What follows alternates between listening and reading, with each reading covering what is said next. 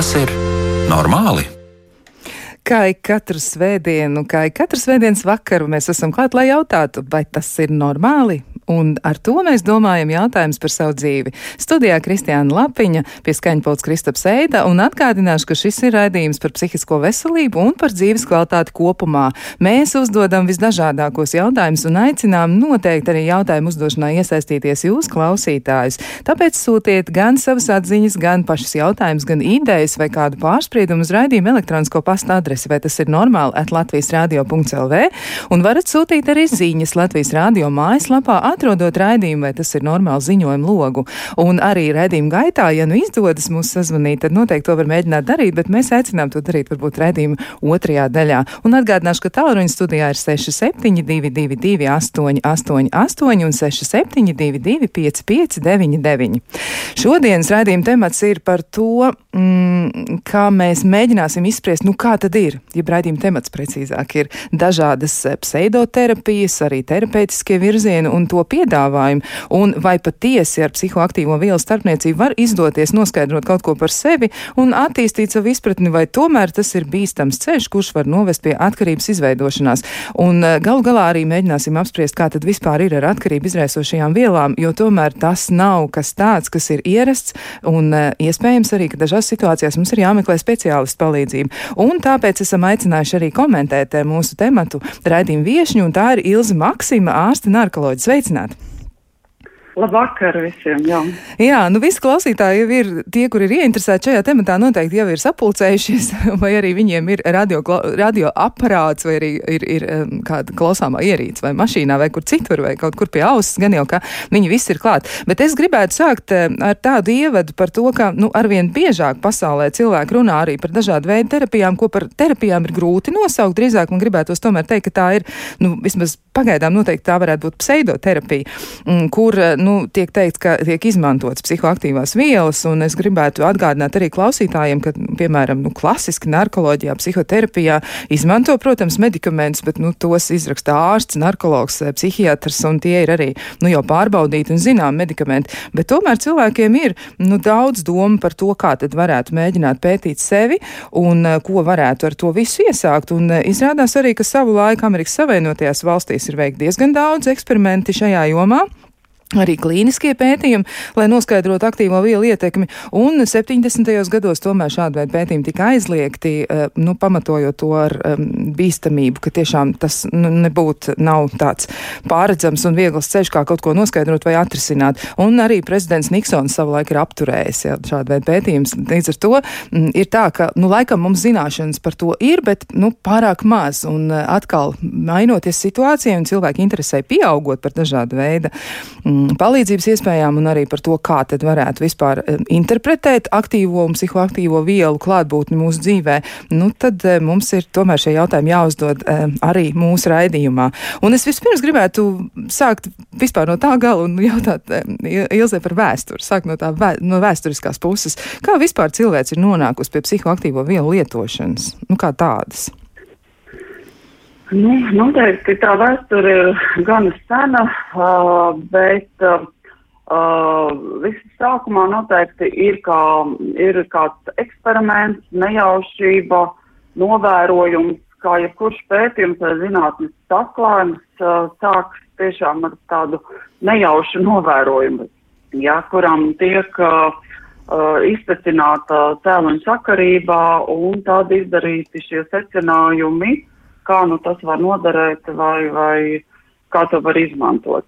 Nu, noteikti zināms fakts, ka savulaik šīs um, psihoaktīvās vielas, kas jaušamāk ietekmēja cilvēka, um, jāsaka tā, um, garīgās spējas, iespējas, um, radīja ietekmi un, un spēju uh, kā mm, tikt um, um, izrauties no realitātes, tik izmantotas, uh, nu, tomēr ciltīs tādās mazās uh, sociālās kopienās uh, savā ziņā pielietojot rituālus, uh, kas vai nu vienoja uh, šo kopienu vai um, savā ziņā garīgi atveseļoja vai tieši otrādi sagatavoja kādām kaujām, cīņām, kas savā ziņā uh, ir uh, netik vienkārša lieta, zinot to cilvēku diezgan nežēlīgu attīstības vēsturi.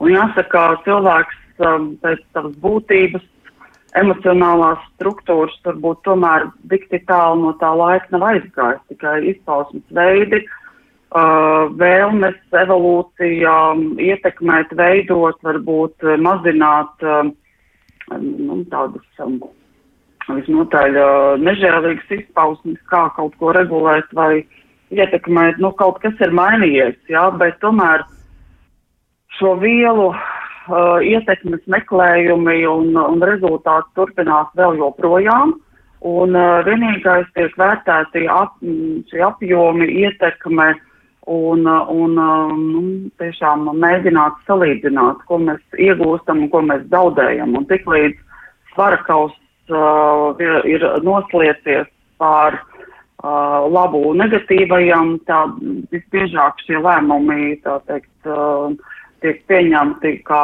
liegumi, uh, aizliegumi, ļoti regulējošie mehānismi, pielietot.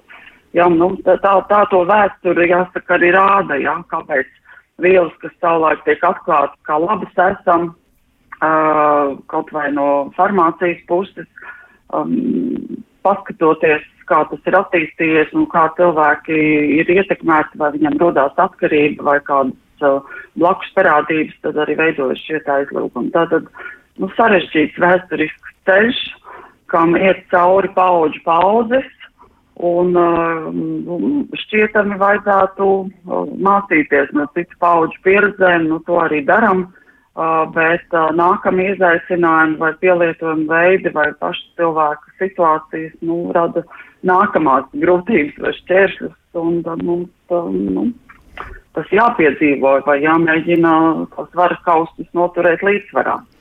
Jā, nu, izskatās, ka cilvēks vēsturē psihoaktīvās vielas tā vai citādi vienmēr ir bijušas blakus, un laikam tad, jā, pirmais cilvēks, kurš kaut ko noskaidroja, tad, eh, nu, attiecībā uz viņu droši vien bija kāds efekts. Bet eh, kā tas vispār nākas, ka cilvēkiem ir tik ļoti izteikta tiekšanās, eh, varbūt vai nu izvairīties no no realitātes, nu, tādas, kāda tā ir, ja mēģināt aizbēgt, varbūt, vai arī vēl kaut ko darīt. Nu, kā tas nāks, ka cilvēki joprojām turpina mēģināt to darīt tieši šādā veidā? Kas to varētu noteikt? Nu, tā ir nu, tomēr pirmatnējo smadzeņu struktūru darbība, kas nav tikai cilvēkam šāda veida struktūras, bet arī, arī dzīvniekiem. Un, jā, un šajā ziņā šīs primitīvās vai būtībā pirmatnējās smadzeņu struktūras nosaka, cilvēka un, un dzīvnieku atbildes reakcijas uz jebkādām stresa situācijām, vai arī tieši pretēji nosaka atmiņu par labsajūtu. Un, ja šī viela vai um, ir radījusi pārmaiņas, kuras atbilstošā situācijā tiek vērtētas kā pozitīvas, kā kaut kāds uh, atvieglojums vai trauksme mazinošs um, nu, efekts ir jūtams, vai tas ir kāds ļoti saudabīgs ceļojums, piedzīvojums, uh, jā, ilūzijas, kas rada um, spēju atrauties no realitātes, jā, uh, nu, šīs atmiņas būtībā ir pilnīgi nedzēšams no cilvēka emocionālās atmiņas, un uh, to arī pierāda šie uh, zinātniskie slēdzieni, kā vispār veidojas atkarības. Viņas tiešām veidojas šajos zemgaros kodolos, jeb emocionālajās atmiņās, uh, ja, un uh, šīs emocionālās atmiņas sadarbojas ar um, uh, smadzeņu pelēko vielu, jeb garozu, un uh, garozā nofiksē, vai jāsaka, šo zemgaros kodolu sadarbību ar garozu nosaka cilvēka rīcību. Tātad, ja man tas rada kādu iespējamu labumu vai šajā mirklī es esot trauksmē, bailēs, šausmās, kaut ko lietojot, man ir paliek vieglāk, oh, šis ir kaut kas labs, ko vajadzētu atcerēties un turpināt darīt. Un tas ir āķis, uz kura var uh, uzķerties, un ja nav kādu uh, ārējo kontrolējošo faktoru, kā pieņemsim, ja mēs runājam par ciltīm, tie bija šie šamaņi, jā, viedie cilvēki, kas tomēr kaut ko darīja ļoti apzināti. Jā. Tad cilvēks, kam nav iespējams tāda vairāk kritiska doma vai kontrolējošā uh, sistēma pelēkajā garozā, ja, uh, viņi var būt pakļauti lielākam riskam aiziet uh, nekontrolētā lietošanā un visu laiku dzīvot šajās šķietamajās pozitīvajās atmiņās.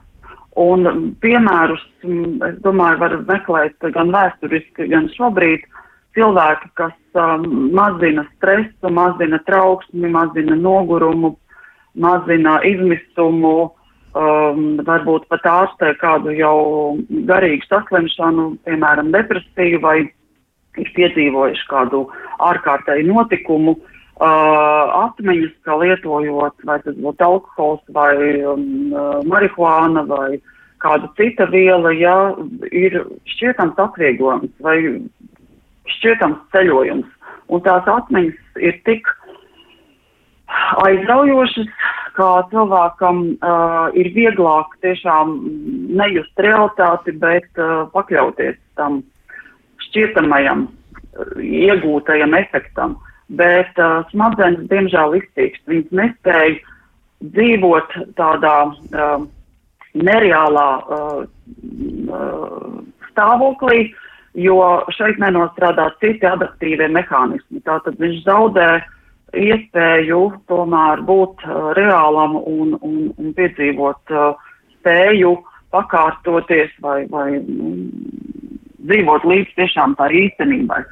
Un uh, kādu brīdi dzīvojot šajā burbulī, vai varbūt šķietam viss ir labi, bet uh, tikko mainās apstākļi vai tiešām atbalsta kaut kādu punktu pazūd cilvēkam, tā viņš var krist un ļoti smagi sasisties. Pārnestā nozīmē, ka būtībā viņš, viņš lēnām iet bojā un, un varbūt arī jaušies bojā. Tā kā tāds, nu, tā, tā veidojās uh, no šiem zemgaros kodoliem līdz cilvēku apzinātai rīcībai šīs negatīvās uh, sekas, un tas atgriezeniskais ceļš ir um, nedaudz pretēji vērsts šie ārējie aspekti, kontrols mehānismi, skaidrojums, informācija ļauj šiem, šai kritiskai domāšanai pieslēgties un vairāk saprast šos zemgaros kodolu sūtītos impulsus un inter, interpretēt un pielāgot atbilstoši videi. Nu, tā es varētu paskaidrot, kā tas apmēram Jā, dodās. tas ir ļoti labs skaidrojums. Man liekas, ka jums izdevās ļoti precīzi to aprakstīt, un arī tas iedod, manuprāt, tādu skaidrāku priekšstatu par to, cik ļoti būtiski ir saprast atkarības veidošanās mehānismā nu, kā reiz tos, tos, tos dziļākos, dziļākos aspektus, jo tie ir tie, kas nosaka nu, to atkarības intensitāti un to, cik ļoti grūti cilvēkam pašam ir no turienes izkļūt. Vai tas varētu būt arī tas pamatojums, kāpēc nestrādā tādas lietas? Cilvēkiem mēdz teikt, nu, saņemies, un tas nav labi, varbūt, ko tu dari, vai arī tas ir ļoti riskanti, un cilvēkam neizdodas tā vienkārši to paveikt. Var, tas varētu būt tas skaidrojums, kāpēc tas nav iespējams bez palīdzības, bez profesionāla klātbūtnes? Uh, jā, skaidrojums noteikti katram ir ļoti individuāls un pietiekami sarežģīts, lai pavisam pateiktu, jā, uh, visiem tagad daram tā un tas visiem noteikti derēs. Tā ir tā nianse, ka varbūt, uh, nu, cenšoties skaidrot, kā ir uh, tādas trīs, uh, jā, vai, vai, vai četras uh, savienojuma punkti, jā, četri nogrieži, ko mēs savilksim un viss notiks. Bet smadzenēs šis uh, ir sarežģītāks process, jo šo neironu savienošanās veidi, apveceļi, uh, sinapses, kā viņi savā starpā uh, sadarbojas un šo neiroķīmisko vielu jau pat no dzimšanas brīža esošie līmeņi nosaka dažādību, kāpēc vienam kaut kas notiek um, tā un citam tas notiek savādāk. Un tāpēc tie pieejas, um, uh, nu, jāsaka, uh, pieejas un problēma risināšanas spējas arī atšķirās. Ir cilvēki, kuri piedzīvo tādu uh, nevēlamu pieredzi, kādu laiku ar to aizraujās, bet uh, viņu pašu mm, individuālās spējas, attieksme, izpratne uh, ļaus savā ziņā pamosties. Viņi ierauga un mainās.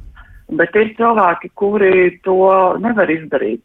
Tas nozīmē, ka viņu individuālās potenciāls savā ziņā nav tik pilnīgs. Un tad uh, šiem cilvēkiem skaidrs ir jāmeklē palīdzība. Tātad šī palīdzība, uh, līdzīgi kā teikt, šī kritiskā doma ir kaut kur ārpusē. Ir veidojās šis, šis um, savā ziņā rāmis, kas viņam regulārāk atspoguļo to saistību, kas uh, ir novadusi viņu līdz šai problēmai, vai varbūt iespējams ir vajadzīgi pat kādi medikamenti, kas ietekmē, um, kas savā ziņā arī ir psihoaktīvās vielas, bet uh, uh, viņu ietekme tomēr ir kontrolējama noteiktās devās un ar noteiktu mērķi, tomēr pierādīts pētījumos, ja, ilgtermiņā nav šo negatīvo seku. Līdz ar to tā tad ir vajadzīgi, vajadzīgs šāds palīdzības mehānisms. Un, un tāpēc akcentēju, tas ir diezgan individuāli, uh, kā ir jāvērtē visus uh, um, riska faktorus, sākot no ģenētikas un beidzot ar uh, sociālajiem faktoriem, kurus piedzīvo tas cilvēks šobrīd. Tāpēc tas tik dažādi varētu būt. Jā, vēl man jautājums arī mazliet eh, atgriežoties pie nu, tās ļoti, ļoti riskantās prakses, kas savulaik ir bijusi un arī par ko tiešām ir daudz domājuši cilvēki un pret ko ir iebilduši gan valsts vīri, gan arī tie cilvēki, kas ir strādājuši veselības aprūpē, eh, proti nu, dažādi veidi atbalsts terapijās vai pseidoterapijās, eh, nu, ka tur ir kādi, kādas, kādas aktīvās vielas, kas ir tikušas lietotas, vai arī ir tādas domas par to, ka tās varētu tikt izmantotas. Ko jūs par to domājat, vai nākotnē tā varētu būt, ka attīstīsies kāds terapeitiskais virziens, kur tiešām tas tiks apzināti lietots, nu kāda no psihoaktīvajām vielām, lai sasniegtu kaut kādu noteiktu efektu? Nu, es, es teiktu, zinātne vienmēr ir ar um, tādu izziņas mērķi, uh, uh, varbūt um, tiešām uh, ap, mainoties, mainoties gan izpētes mehānismiem, gan diagnostiskiem, uh, diagnostiskiem instrumentāriem, noteikti uh, veidojas iespēja mēģināt varbūt šīs bīstamās uh, vielas, kas savulaik tiek iekļautas uh, kontrolējumu un narkotisko vielu sarakstā, ir mēģinājumi uh, pētīt un pielietot, un tās, tas pielietošanas um, jēga vai mēģinājums saistās ar uh, uh, grūti ietekmējumu stāvokļu tomēr uh, nu, mainību. Jo jāsaka arī, uh, piemēram, jā, šajā gadījumā antidepresanti, kas ir uh, arī pētīti, ir savulaik bijuši kā ļoti pozitīvs atklājums un ar tādu lielu cerību, ka uh, varēs atrisināt cilvēku uh, jāsaka, depresijas stāvokļus bet, diemžēl, ir pazīstami arī šādi jēdzieni kā rezistents depresijas. Depresijas cilvēkiem, kurus ar esošo antidepresantu terapijas kombinācijām, pieejām, diemžēl, Uh, nu, na, nav ietekmējams. Un atkal ir jautājums, kas to ir radījis, kāpēc tas tā ir un kāpēc tieši šim cilvēkam. Līdz ar to radās jautājumi, varbūt mēs varam mēģināt kaut ko no šī uh, aizliegtā, bet pieņemot nu, tiešām tādu um,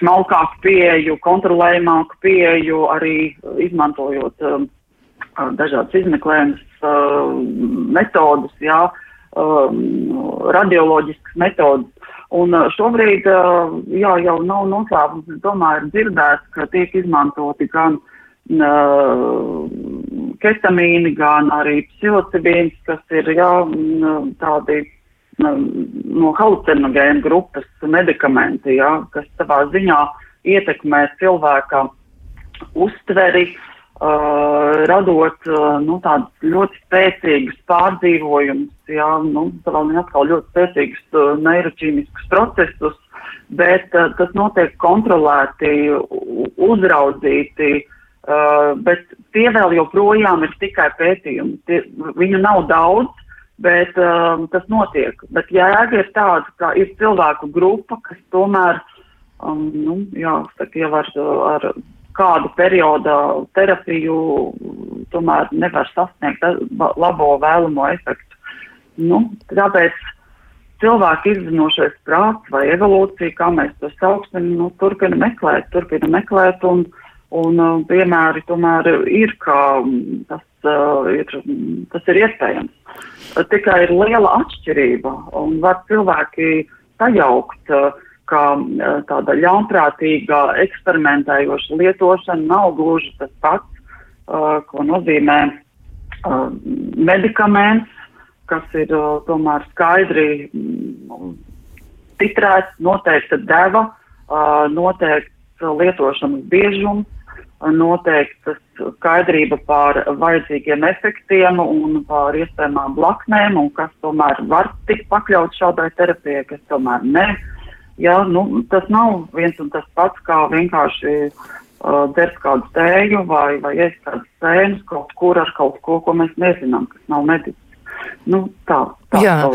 Nu, Tā tad eh, noteikti jāpievērš uzmanība tam, ka joprojām tas ir, eh, nu, var teikt, eksperimentālajā stadijā. Varbūt mēs tā to varam apzīmēt, Jā. jo pētījumu ir, ir diezgan daudz, bet, eh, nu, lai mēs droši varētu apgalvot, ka tāda terapija, kur jūs arī varat, nu, ja klausītāji meklē internetā, noteikti viņi var atrast arī, ja, nu, ir tāda apzīmējuma kā, kā psihedēliska terapija, jeb asistētā psihedēliskā terapija, ja, nu, tad atcerieties, ka tas nav kaut kas tāds, kas ir oficiāli, ja tā vienkārši pieejams, un tagad jūs varat kaut ko tādu izvēlēties. Tas joprojām joprojām ir tikai un vienīgi pētījuma līmenī, un tās ir tādas hipotēzes par to, vai vispār tas varētu strādāt, un joprojām gan, gan tie paši narkologi un ārsti no citām specialitātēm, no zinātnieki un ķīmiķi, bioķīmiķi un, un kas tik vēl ne arī ģenētiķi droši vien mēģina saprast, nu kā vispār ar to varētu darboties. Bet, um, Man ir arī tāds jautājums, eh, Ilze, bet kā tad ir? Nu, dažreiz ir cilvēki kaut ko izmēģinājuši savā dzīvē, un uh, sekas, diemžēl, arī no šīs vienas reizes ir ļoti nelabvēlīgas. Vai tā varētu būt arī, ka cilvēkam ir nu, tāda pieredze, ko mēs varētu apzīmēt par, nu, iespējams, arī nelegālu pieredzi, un mēs noteikti aicinām nekad neko tādu nedarīt, bet, ja nu tā tas ir bijis, vai atkarības risks pastāv arī šādā gadījumā? Nu, jāsaka, at, atkarības, atkarību izraisošo vielu spektrs ir diezgan dažāds. Jā, mēs tomēr tāds sākotnēji visbiežāk, jā, tika sadalīts tas trijās grupās depresanti, stimulanti un uh, un uh, stimulatori un uh, halucinogēni. Šobrīd uh, esošās vielas ir tik plašas un to iedarbība ir paplašinājusies, ka ir arī, nu, tā teikt, detalizētāk um, tas tiek vērtēts.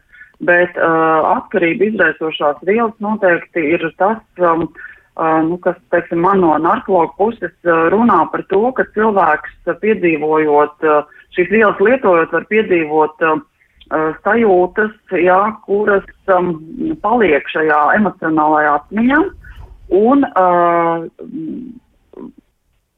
vielas turpinot lietot vai turpinot lietot uh, biežāk un biežāk, var radīt uh, neatgriezeniskas izmaiņas um, centrālā nervu sistēmā.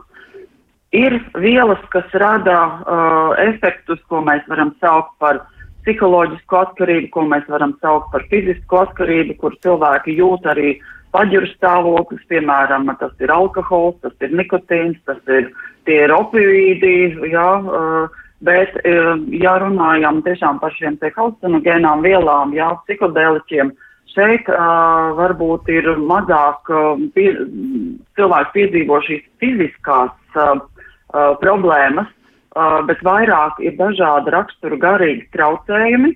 Uh, pirmkārt, atkal šis, šie piedzīvojumi, kas vienam var būt pilgti un kaut kādā ziņā pozitīvu, nu, netik šausminošu efektu, bet ir cilvēki, kas piedzīvo reālas šausmas.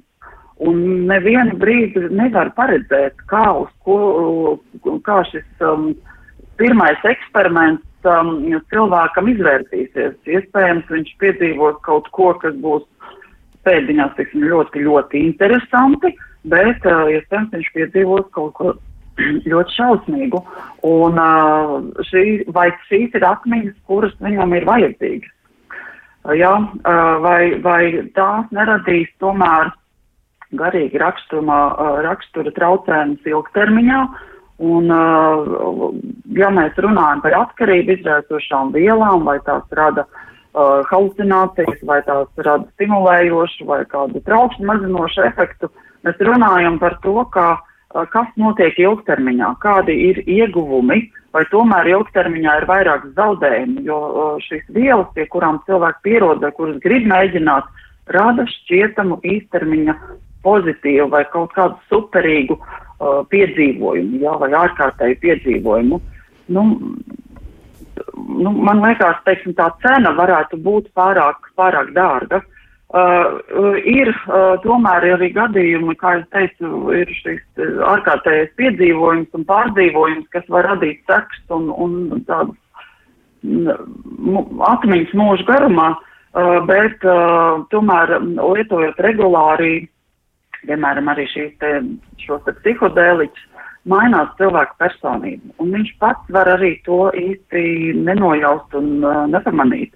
Nu, tas ir skumji, varbūt viņam pašam liekas, ka viss ir kārtībā, ja viņš dzīvo kādā, nu, tādā atbalstošā burbulī, varbūt tas tā ir iespējams, tad, diemžēl, tas nav uh, labi, tas nav tas nav tik, um, uh, tik vienkārši. Uh, ja tas būtu vienkārši, tas tiešām būtu uh, nu, ļauts un neviens par to nedomātu. Arī legalizējot kādas vielas, kā pieņemsim marihuānu, uh, tiek svērti plusi mīnus ieguvuma zaudējumi, bet atbild, atbildība visos šajos gadījumos tiek virzīta uz cilvēku pašu. Nu, jāsaka, ja viņa, uh, viņam vai tuvākai atbalsta grupai nebūs iespēja viņu saglābt vai, vai viņam palīdzēt, nu, tad jāsaka, tas diemžēl ir kaut kas, um, nu, kaut kas zaudēts, personība, liktenis. Um, Jā. Tāds. Tātad, ja, tā nu, kā tur ir, tur ir tās monētas divas puses, un tas ir jāatcerās. Jā, tas ir jāatcerās. Nu, nav viegli, protams, par to tā brīdi domāt, droši vien tiem cilvēkiem, kuri ir arī par daudz ko noraizējušies, bet eh, mēs mēģināsim tomēr vēl uz eh, dažādiem jautājumiem atbildēt tieši psihoaktīvo vielu saistībā un mēģināsim arī saprast, cik tad ir lieli riski, bet eh, šo visu mēs mēģināsim darīt pēc ļoti, ļoti īsa brīža.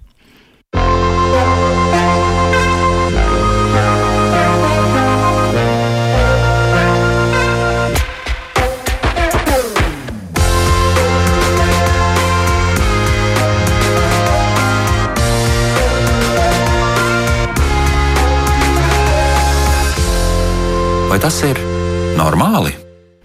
Mēs turpinām sarunu par to, kā tad uh, ietekmē cilvēkus psihoaktīvās vielas un vai psihoaktīvo vielu lietošana nu, uz savu galvu, vai tas nevar izrādīties tomēr ļoti, ļoti bīstam un izskatās, ka nu, bīstamība pastāv, tā tas tiešām ir, un uh, tieši tā iemesla dēļ arī mēs mēģinām apspriest, kā, kā izskatās nu, šobrīd klīnisko pētījumu mm, piedāvājums, ko tad ir secinājuši ārsti un arī citi pētnieki pētot dažādas vielas un arī ietekmus cilvēkiem, un arī mēģinām saprast, saprast, ko tad mums ar to visu iesākt un kā pret to izturēties, jo ir skaidrs, ka medicīnā, tostarp arī psiho, psihoterapijā, psihiatrijā un daudz kur citur aktīvas vielas tiek izmantotas, bet tomēr nu, tas ir, kā e, minēja mūsu raidījuma viešņa Ilza Maksima, e, tas ir jau pārbaudīts, tas ir skaidrs mehānisms un tur ir zināms gan dēvas, gan arī daudz citas lietas, bet mēs mēģinām izspriest, kā tad ir ar mums pašiem un arī domājam par to, ko tad piedāvā pasauli. Ir arī daudz tādu ļoti, ļoti aizraujošu piedāvājumu cilvēkiem, bet mēs tomēr gribam saprast, cik tad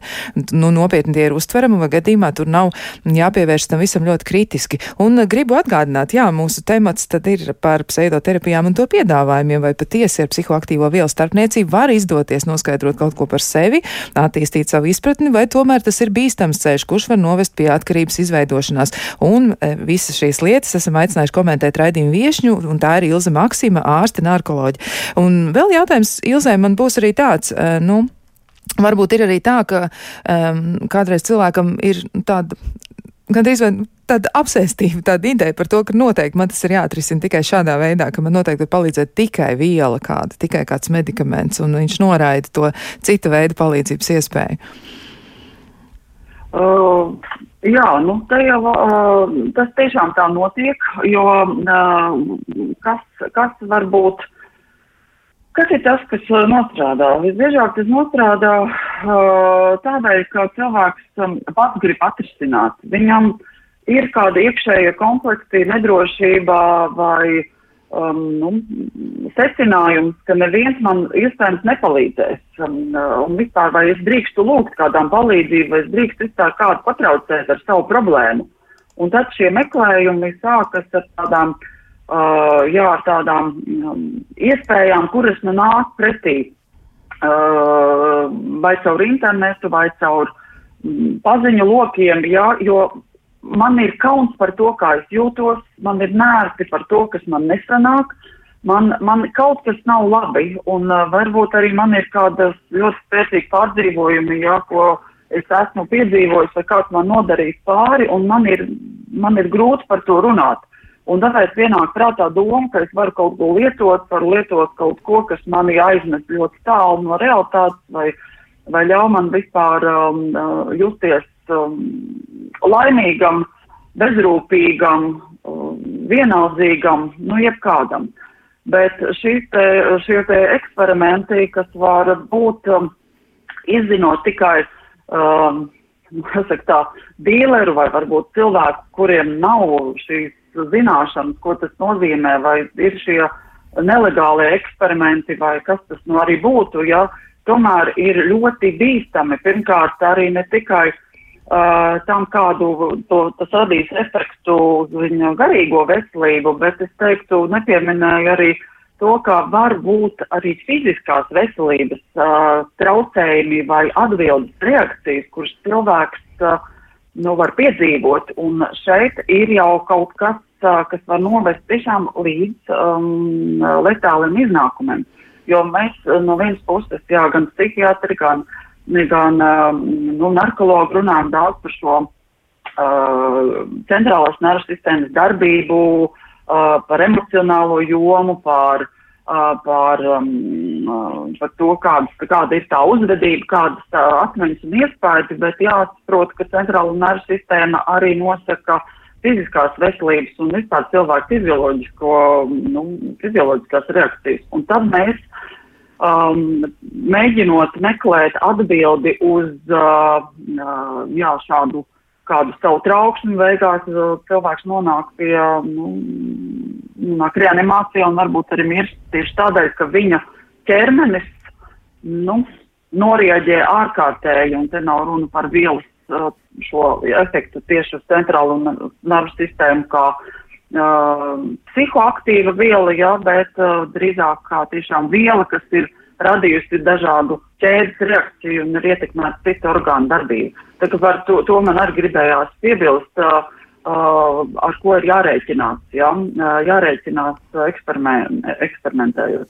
Bet uh, cilvēks tiešām šo uh, palīdzību var gribēt meklēt um, paši, bet uh, aicināt saprast labāk ir uh, tiešām meklēt profesionālus, meklēt uh, uh, varbūt kaut vai izzināt, lai pamatotu savu izvēli. Jā, varbūt tad cilvēks pieņem un eksperimentē uzņemās atbildību pats uz, uz savu galvu, bet vispirms viņš to izzina no vairākām pusēm, ne tikai kaut kur uz ielas, bet viņš aiziet un aprunājās ar kādu, nu, tiešām speciālistu tāpēc jau tiek ilgi gadi tiek uh, mācīti un apgūti un, un piedzīvota pieredze, jā, lai, lai varētu paskaidrot vai varētu izstāstīt, lai es kā cilvēks varētu izdarīt apzinātu izvēli.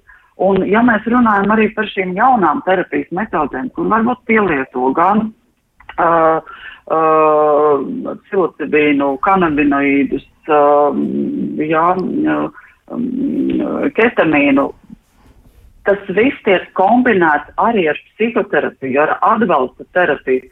Tas nav kā ir viens ceļojums vai kaut kāds tāds notikums, jā, kur šis cilvēks um, um, nu, ceļojums liek pēdiņās, jā, tā kā aprakstot visu to, to, to mm, kas notiek, jā. Uh, tomēr visapkārt ir šie mediķi, profesionāļi, kas turpina uh, realizēt um, Uh, pārējās atbalsta programmas. Tas nav tikai tā čiks un viss, jā, tas ir sarežģīts darbs. Un cilvēks viens pats priekš sevis to nevar norganizēt. Līdz ar to tāpēc, tāpēc ceļš un izpētes turpinās un, un, un es teiktu cilvēkiem būt izvēlīgākiem piekrist uh, uzreiz burvīgiem solījumiem par to, ka būs labi uzreiz un mūžīgi mūžos. Nu, Jā, tas um, īsti nenotiek tā. Tas tā nenotiek, jā. Eh, laikam arī ir grūti iedomāties, nu, ka varētu būt tā. Es arī lasīju diezgan daudz literatūras, eh, gatavoties raidījumam un mēģināju atsveicināt pats savā mm, atmiņā arī daudzas lietas eh, par psihoaktīvajām vielām. Un, nu, man grūti noticēt tomēr, ka, piemēram, tā saucamā ketamīna asistētā terapija, kura ir no vienas līdz 12 sesijām, varētu ļoti būtiski mainīt cilvēku dzīves kvalitāti vai atrisināt viņa pamat problēmas. Diezin, vai tas tā varētu notikt? Teikt. Ja? Un tad vēlreiz jāatgriežas pie Ilzas Maksimas teiktā, ka tas ir kaut kas, kas ir jāliek kopā vēl ar citām lietām. Un, un vēlreiz atgādinu klausītājiem, ka Latvijā šāda veida terapijas, eh, manuprāt, nav pieejams. Un vēl kādu laiku visticamāk nebūs Ilzēs. Pareizi saku. Nu, uz, uz šiem jautājumiem, kas notiek uh, rezistentu depresiju terapijā, noteikti plašāk varētu atbildēt psihiatri, jo, jo tas ir kaut kas jauns, ko Latvijā dara, bet es domāju, ka jā, te ir, um, nu,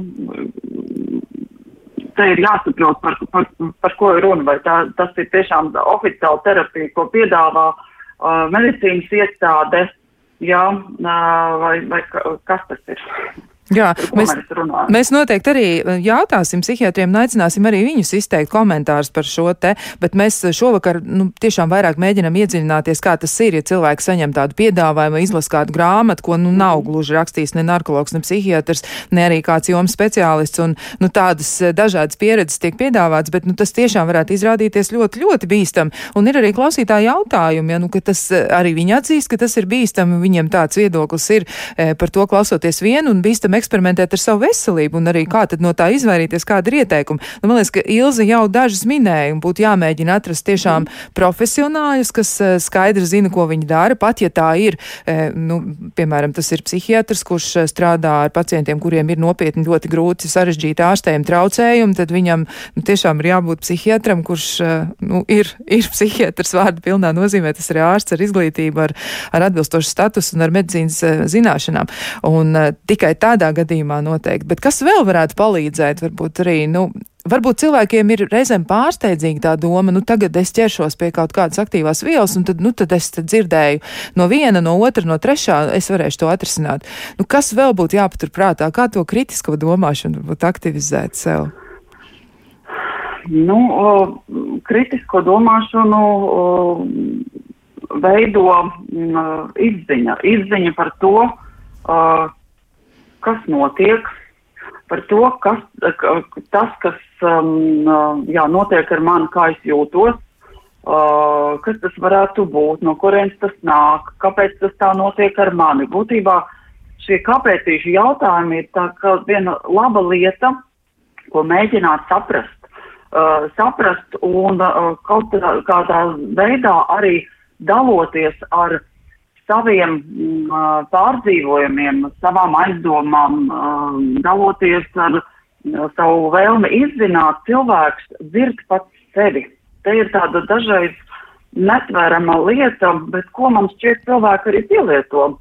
Viņi sarunājas, viņi komunicē, viņi apzinās, nu, apziņ savu, noformulē savu domu, uh, uh, problēmu un tad uh, pārunāt to ar citiem cilvēkiem. Bet uh, tā nians būtu pārunāt to ar dažāda uh, spektra vai dažādu um, grupu pārstāvjiem. Tātad es varu aprunāties varbūt ģimenē, es varu aprunāties ar draugiem, es varu aprunāties varbūt ar kolēģiem.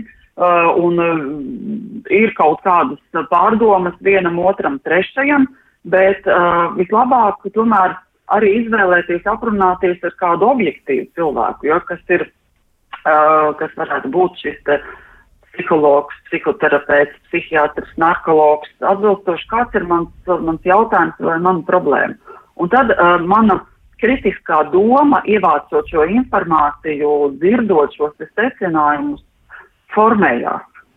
Jo es vairāk spēju sadzirdēt to, kas uzrunā mani. Jo klausoties uh, atspoguļojumu, citu domas, mūsu smadzenes, jā, vai tie paši uh, šīs pirmatnējās smadzenes uz to reaģē.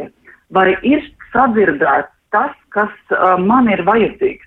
Jo cilvēka galvenās problēmas slēpjas viņa vajadzību neapzināšanā vai neīstenošanā. Tad man vispirms jā, jāmāk, tomēr jāmāk noformulēt tās pašas vajadzīgākās šobrīd esošās prioritārās vajadzības savējās un mēģināt izzināt, kā es varu sev palīdzēt, kas man var palīdzēt to izdarīt. Un veidojās šī, šī tāda dabiska un na, li, liktos netik sarežģīta ķēde, ka es uh, ļauju sev apdomāties, es ļaujos um, pietiekami um, lēnprātīgi iedziļināties sevī, kas ar mani notiek. Es uh, spēju vairāk noformulēt, kādas ir šīs manas vajadzības un sākt tās pa vienai lēnām pamazām piepildīt. Un nevienmēr, jā, uh, un atslēgas tāds tiešām atkal lēnām. Lēnām un mierīgi, nevis ka es simtprocentīgi tūlīt visu atrisinu un iegūstu un, un man, ir, man ir labi, bet iespējams es iegūstu plus vienu procentu, varbūt plus divi procentu plus, um, plus 50, kā nu man veicās par tām atbalsta sistēmām un iespējām, bet es šos plusus saglabāju ilgtermiņā. Man ir labi vienu dienu, un īstenībā tas pats man palīdz, um, palīdz justies labi veselu nedēļu un varbūt arī veselu mēnesi.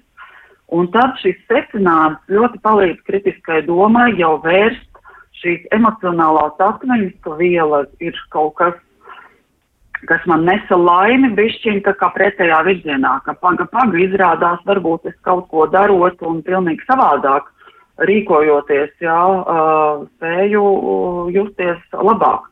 Tātad es izzinu vajadzības, rīkojos, meklēju palīdzību un, un, un šādi tas process tiešām noved pie risinājuma, ka, kas nosaka, ka šīs atkarība izraisošās vielas noteikti aiziet prom no cilvēka dzīves, ja arī viņas kādā brīdī ir ienākušas.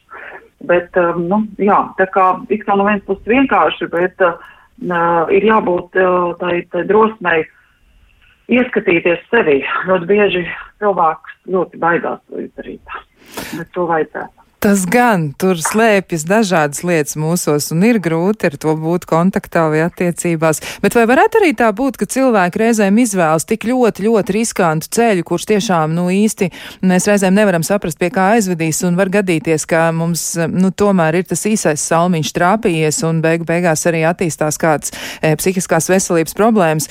Vai tas varētu būt saistīts arī ar mūsdienu dzīves ritmu, varbūt, e, vai, vai ar to, kā mēs dzīvojam? Mums nav pārāk daudz laika laika arī daudzām lietām. Nu, ja cilvēkam ir nācies piedzīvot ko traumatisku, vai viņam ir ļoti sarežģīta situācija, bieži vien ir tā, ka pēc trim vai piecām dienām viņi gaida atpakaļ darbā. Nu, tev ir jānāk, tev jādara lietas. Ir. Nu, tu taču nevari mājās tik daudz sērot vai bēdāties vai domāt. Varbūt arī tas ir viens no tādiem izraisītājiem vai veicinātāju faktoriem. Kā jums liekas? Jā, jā noteikti piekritīšu, ka šī laika uh, pieprasījums, uh, intensitātes ātrāk, vairāk, augstāk, labāk ir uh, nu, tik ļoti jaušams un arī um, cilvēku tik ļoti apgrūtinošs. Ja? Uh, jo, kā teikt, var cilvēks būt ļoti inteliģents, ļoti gudrs, ļoti spējīgs ātri risināt dažādus uzdevumus. Ja? Uh, ko tik um, neveikt matemātiski, vai, vai, vai, vai tā ir programmēšana, vai tas ir kas. Jā, bet uh, briedums, uh, kas drīzāk jau liecina par to, ka manas intelektuālās funkcijas draudzējās ar manām emocionālajām uh, nu, funkcijām un emocionālo pasauli, uh, nu, tas ir kaut kas cits.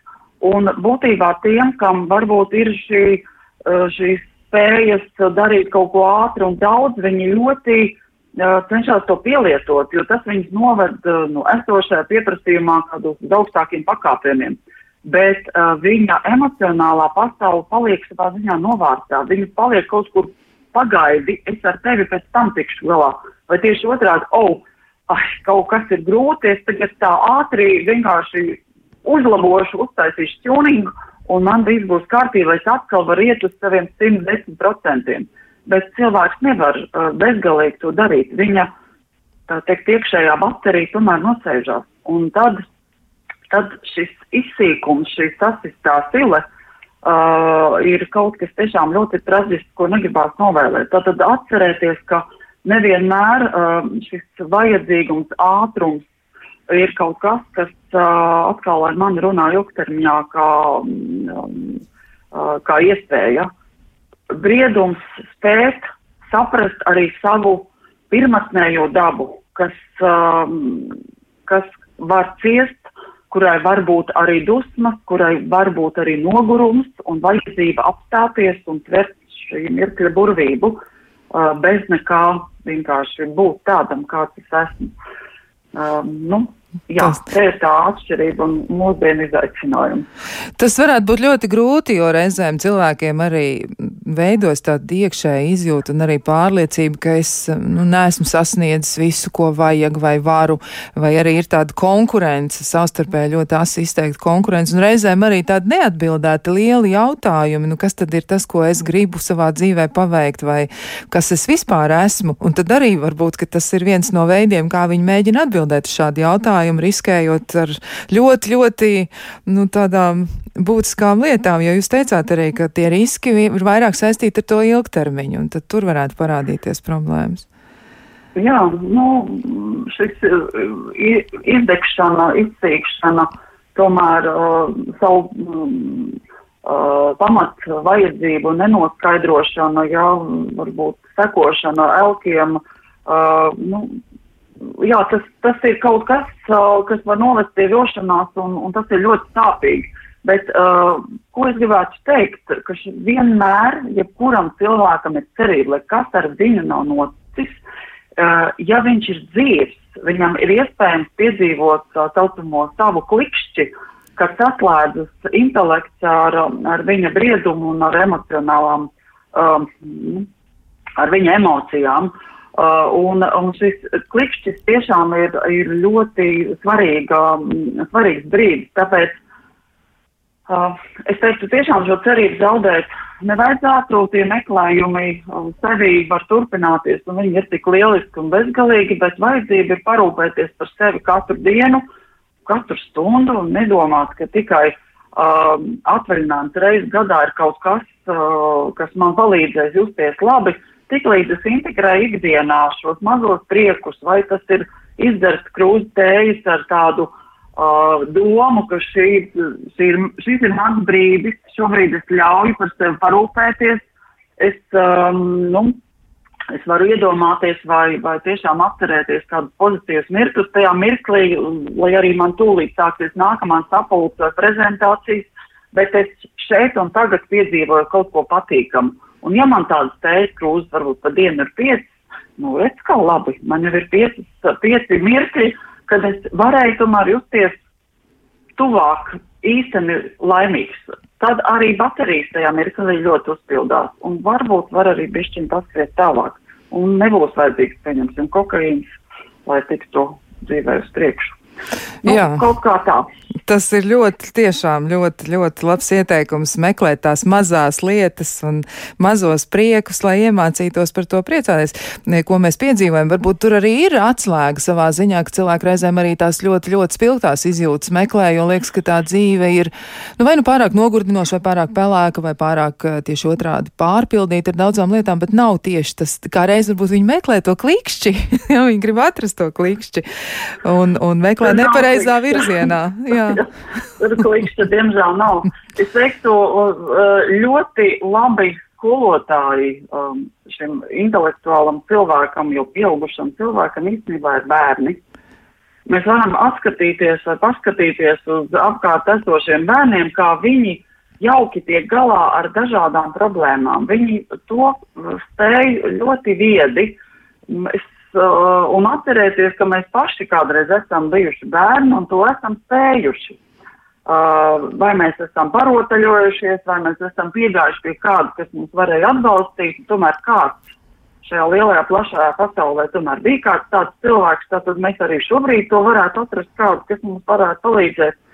Teiktu, varbūt tā apskatīties, jo tas iekšējais bērns tur ir un viņš Uh, grib paraudāt, padusmoties un, un, un arī parotaļāties un uh, um, tieši jau raugoties uz šo bērnu vai ar bērnu acīm uz pasauli, um, šīm vielām vienkārši pazūd jēga. Tā ir tā mūsu pieaugušo cilvēku liksta, bet uh, bērnam to nevajag. Jā, bērnam to nevajag. Bērns, bērns pats par sevi spēj piedzīvot pasauli, pats sevi Jā. arī to, ko viņš jūt. Jā, ļoti jauks ieteikums.